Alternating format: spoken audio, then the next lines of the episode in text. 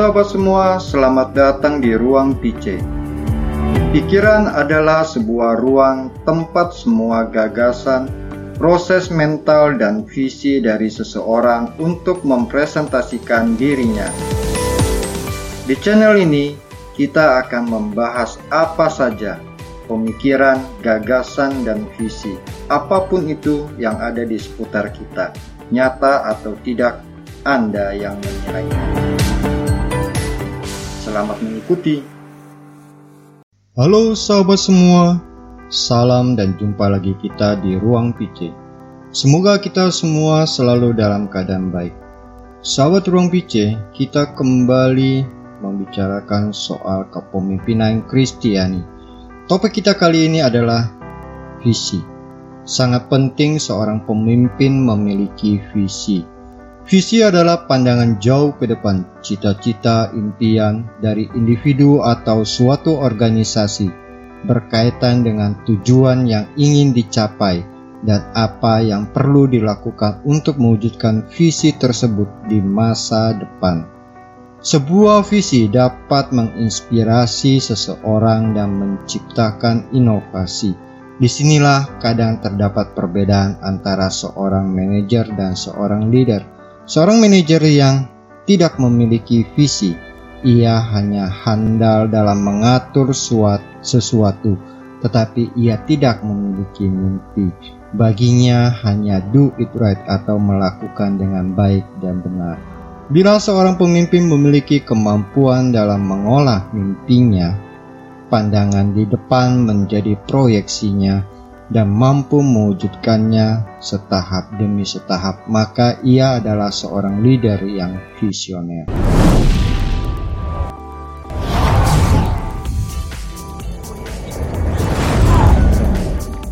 Sebelum kita lanjut, bagi sahabat ruang PC yang baru mampir di sini, jangan lupa subscribe dan aktifkan lonceng notifikasinya.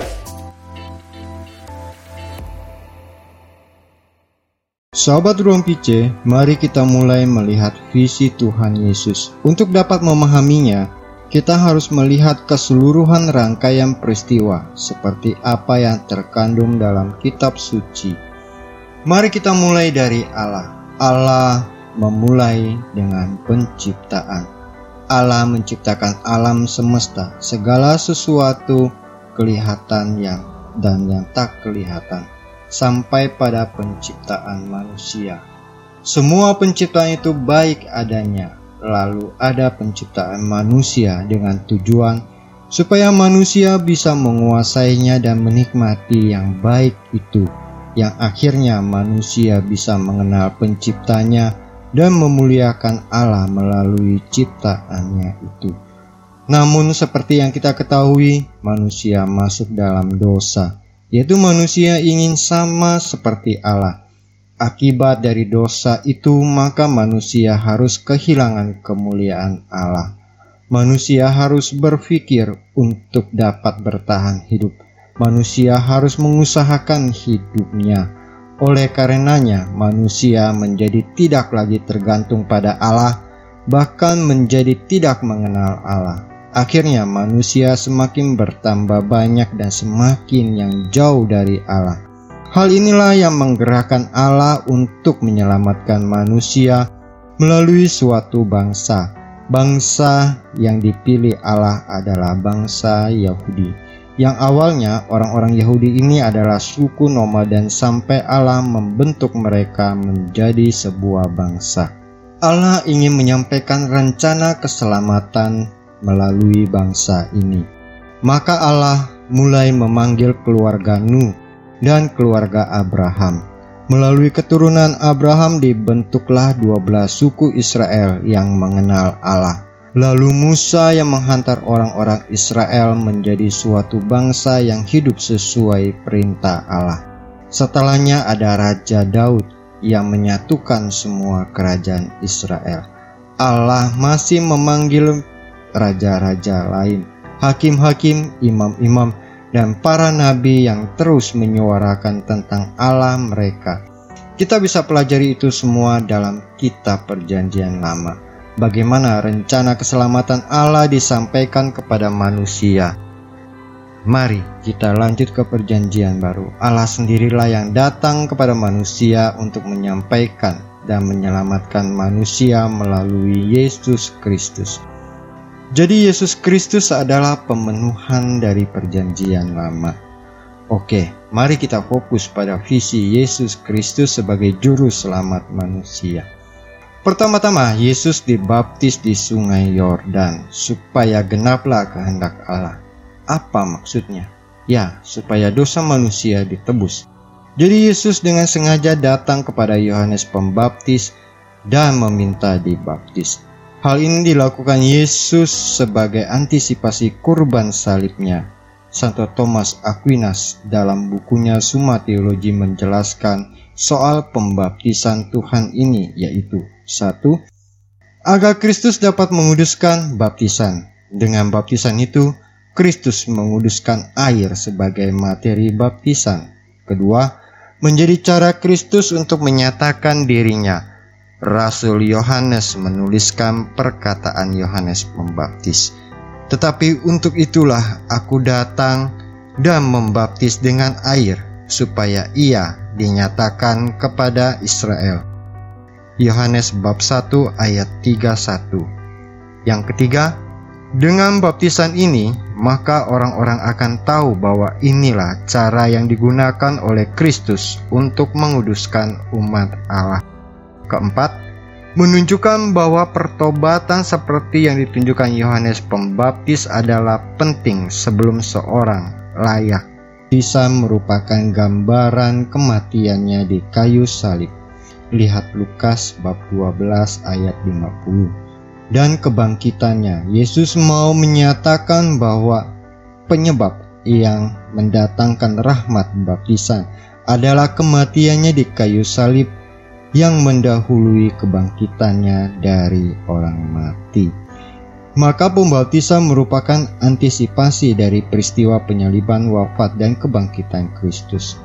Pencelupan ke dalam air mengantisipasi kematian dan penguburannya Melalui pengorbanannya di kayu salib, Kristus seolah tenggelam dalam darahnya sendiri sebelum ia menyatakan kuasa ilahinya dengan kebangkitannya dari kematian.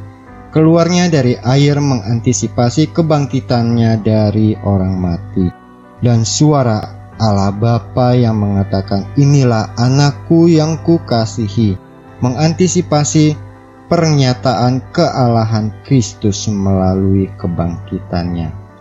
Pembaptisan Yohanes Pembaptis adalah menandai pertobatan, tetapi pembaptisan Kristus yang akan menyempurnakannya, yaitu kita masuk dalam kehidupan yang baru di dalam Kristus.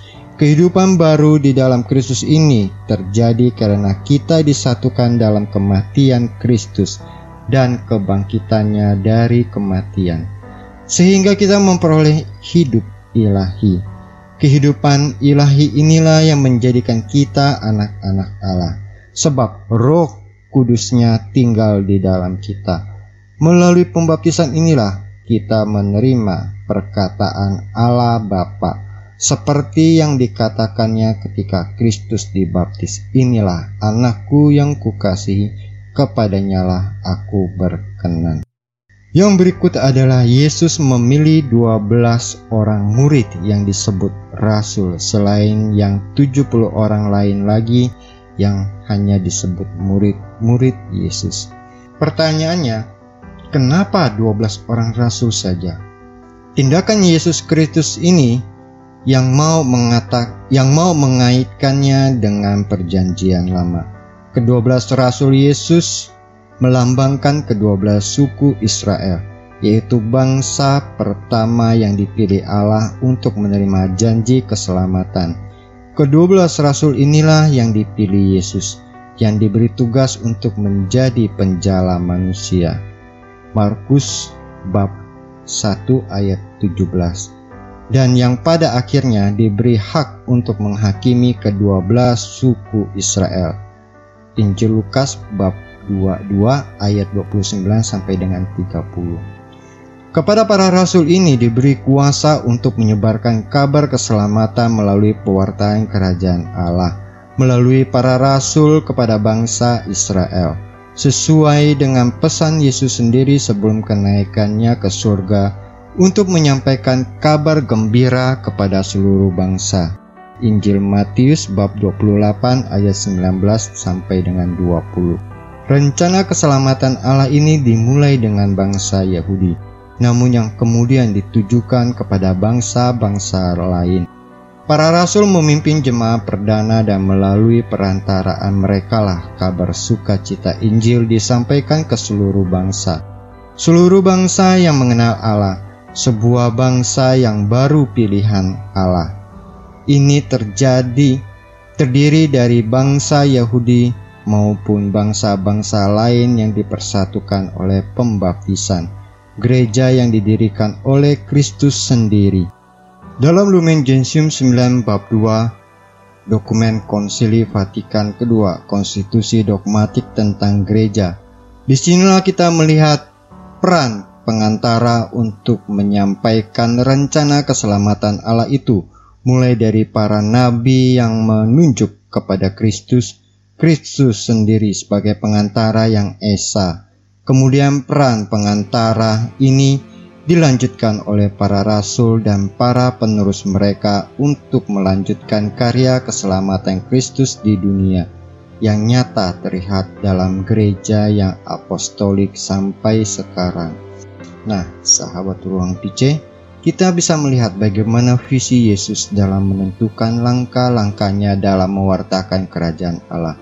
Setiap langkah itu selalu berorientasi pada masa depan, yaitu penebusan dosa melalui gerejanya yang kudus dan tidak terpaku pada kondisi saat ini. Nah, sahabat ruang PC, sebagai seorang pemimpin di mana saja, kita harus memiliki visi dan mengusahakannya supaya tercapai tujuannya. Apa visi sahabat ruang PC? Tulis ya dalam kolom komentar. Saya rasa sampai di sini saja dulu untuk episode kali ini. Semoga kita bisa jumpa lagi di episode berikutnya. Kalau sahabat merasa video ini bermanfaat, jangan lupa di like, share, dan subscribe bagi yang belum. Jangan lupa juga ditekan lonceng pemberitahuannya supaya selalu update setiap ada video baru. Non skole set vita discimus. Salam.